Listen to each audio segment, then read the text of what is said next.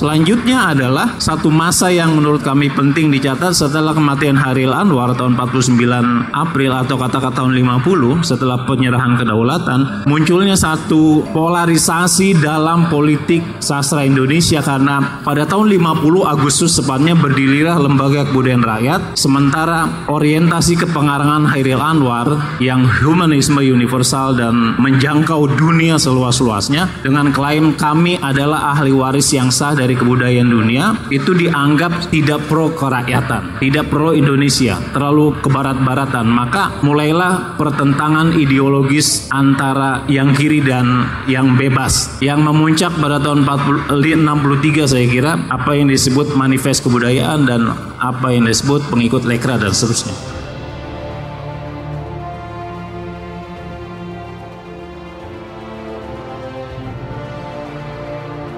Hingga akhirnya hancur Orde Lama, Partai Komunis dibubarkan, Orde Baru muncul, berdirilah Taman Ismail Marzuki, Dewan Senian Jakarta, satu generasi sastra baru yang lepas dari pertentangan ideologi dan politik kemudian muncul.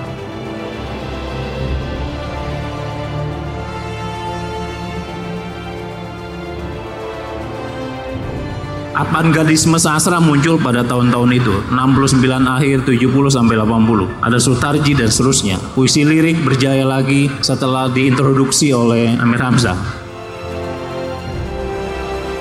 jadi fase-fase ini kami anggap penting untuk dijadikan sebagai acuan penggolongan waktu secara waktu, secara kurun. Yang dari situ kita bisa memilih karya-karya sastra terbaik yang kami anggap bisa menjadi bacaan apakah itu digunakan sebagai bacaan umum maupun juga sebagai sebetulnya untuk anak-anak sekolah. Jadi anak sekolah ini kan kalau dimintakan pendapat mereka apa kamu baca apa? Sastra apa hari ini? Itu hampir tidak ada pendapat yang bisa dijadikan pegangan karena tidak ada ada lagi acuan pembacaan tentang sastra Indonesia.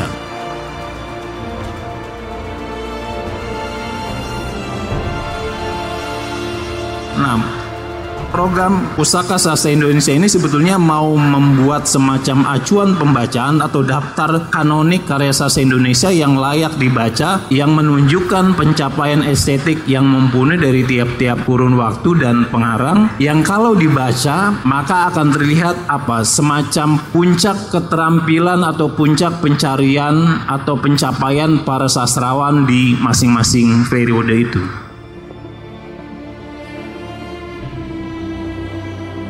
Kenapa ini kami anggap penting? Pertama karena tentu saja pengajaran sastra itu membutuhkan acuan itu. Acuan karya-karya kanonik agar dari situ orang bisa berkembang kepada karya-karya yang lain. Jadi pada prinsipnya karya-karya kanonik ini sebetulnya sebuah acuan yang menurut saya bisa berkembang jauh lebih luas. Katakanlah kalau kita membaca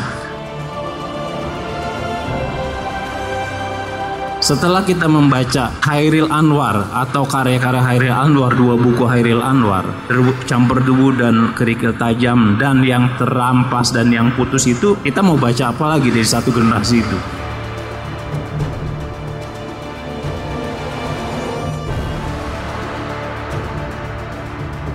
Kita bisa ke kiri atau ke kanan. Bisa membaca karya Tiga Menunggak Takdir, kita bisa membaca dramanya siapa Usmar Ismail, Citra, Liburan Seniman, dan seterusnya. Kita bisa membaca Idrus sebagai pembaru di bidang prosa yang tumbuh juga di masa pendudukan Jepang dan seterusnya. Jadi daftar kanonik ini sebetulnya merangsang para siswa atau pembaca untuk membaca lebih banyak lagi karya-karya sastra di sampingnya atau di sekeliling karya kanonik itu. Sehingga kalau mereka secara tekun dan kritis membaca itu, maka terbentanglah satu lanskap penciptaan karya sastra yang menurut kami kurang lebih lengkap.